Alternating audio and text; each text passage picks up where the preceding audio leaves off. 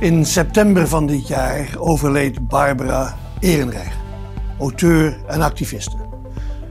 En in de meeste media waar, was er heel veel lof voor haar werk. Met name voor haar werk als uh, undercover journaliste. En het boek wat daaruit uh, tevoorschijn kwam, uh, Nickel and Dime, waarin ze de zwarte kant van the American Dream beschreef. En waarin ze beschreef wat armoede in de Verenigde Staten betekent. Barbara Ehrenreich schreef meer dan twintig boeken, vooral over dat thema van de armoede, maar ook over gezondheid. En ook over feminisme.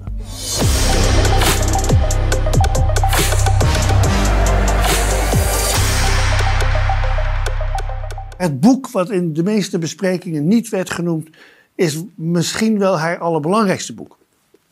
Dat heet Dancing in the Streets. Het is een geschiedenis van collectief plezier. En zij schrijft erover dat in, ook in de moderne samenlevingen, die vooral hiërarchisch zijn georganiseerd, het kenmerk is dat de hiërarchische orde geen begrip heeft voor collectief plezier. En in feite vijandig staat tegenover collectief plezier. En als ik haar mag citeren, ze schrijft extatische rituelen bouwen nog steeds de cohesie van groepen op. Maar wanneer ze die opbouwen onder ondergeschikten, samenhang onder boeren, slaven, vrouwen, gekoloniseerde mensen, dan roept de elite haar troepen op. Want in zekere zin kunnen die muzikaal gedreven vieringen van ondergeschikten, die zijn bedreigend voor de maatschappelijke orde. En eigenlijk bedreigender dan politieke bedreigingen van onderaf. Maar juist dat dansen in de straat, dat collectieve plezier, is een deel van ons cultureel erfgoed. En onze voorouders hebben daar veel tijd en energie in gestoken. Dat was belangrijk. Gemeenschappen moesten op een plezierige manier worden opgebouwd. Dat veranderde erg met de opkomst van aristocratische samenlevingen in China, Japan, India, Polynesië en ook in het oude Griekenland. Toen veranderde spelen van collectief plezier in competitief spelen. En werd competitie en winnen van de competitie een, een obsessie. En daarmee werd eigenlijk het collectieve plezier een individuele aangelegenheid. Ja, de aristocratische machthebbers vonden wel dat er een zekere mate van cohesie mocht zijn, maar die moest dan veroorzaakt worden door spektakels, vaak met veel geweld en met competitief spelen. De Olympische Spelen zijn daar het eerste historische voorbeeld van. En eigenlijk zie je die gemeenschappelijkheid die verandert in een individuele aangelegenheid ook in onze eigen tijdse cultuur. Want in de vermaakscultuur en in de spelcultuur gaat het toch vaak minder om het collectieve plezier dan om een individuele aangelegenheid. Ja, we gaan met z'n allen naar de disco en we dansen met elkaar. Ja, met elkaar. Nou, heel veel mensen dansen vooral met zichzelf. Alleen, je, ieder voor zich. Dat is ook niet iets waar kritisch naar wordt gekeken, maar het betekent wel het ondermijnen van dat gevoel van we doen dingen met elkaar. Dat ieder voor zich past naadloos in een sociaal conservatief beleid, dat ook in Nederland al decennia de boventoon voert. Het is een beleid waarin de ander niet wordt gezien als een bondgenoot, maar waarin de ander vooral wordt gezien als een bedreiging.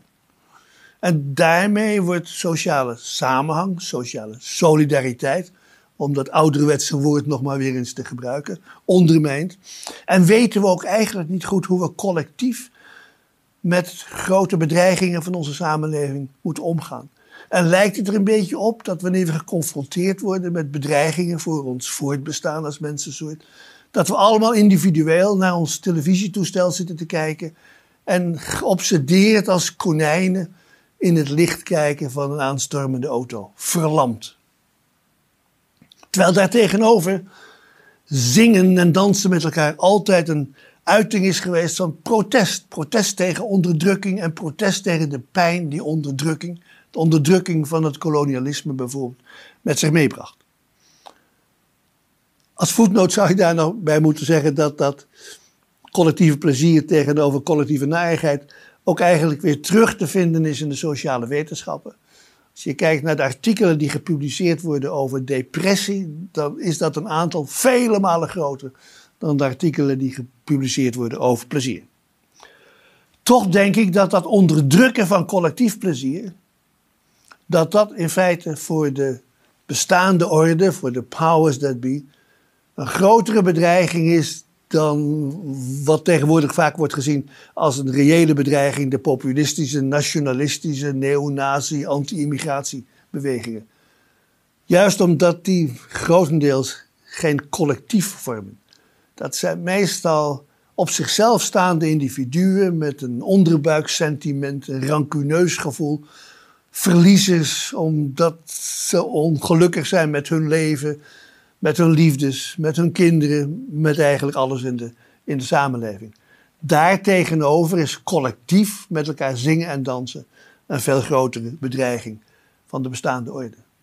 En met Barbara Ehrenreich kunnen we ook begrijpen waarom door de bestaande orde vaak zo hardhandig wordt opgetreden tegen protesten die een enigszins ludiek, speels karakter hebben. Zoals gebeurde op het Museumplein in Amsterdam. En je kunt dat begrijpen wanneer je weer ziet dat in 1966 loopt op het spui rondom dat beeldje, het lievertje, een jonge vrouw, Koosje Kosten, en die deelt krenten uit. Een hele ludieke actie.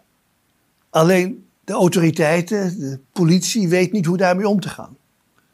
Dus Koosje Kosten wordt gearresteerd, wordt afgevoerd naar het politiebureau en wordt daar urenlang ondervraagd. En oud-commissaris Leender Dorst heeft daar later over gezegd: ja, de politie had geen antwoord op deze ludieke actie. Wat moet je? Er is een happening. Er loopt een meisje, Koosje Koster, rond. Die deelt krenten uit. En moet je dat nou serieus nemen? We wisten ons geen houding te geven. En het enige antwoord dat we hadden was haar arresteren. Later schrijft Martin Schouten nog eens in een mooie terugblik. Ze had bruine ogen en donker haar, dat een beetje krulde. En een zweem van een boersaccent in haar stem. Koosje Kosten. We hielden allemaal van haar. Laten we met wijlen Barbara Ehrenreich houden en koesteren. Houden van alle koosjes kosters en hen vooral koesteren wanneer ze in ludieke acties gewoon krenten uitdelen.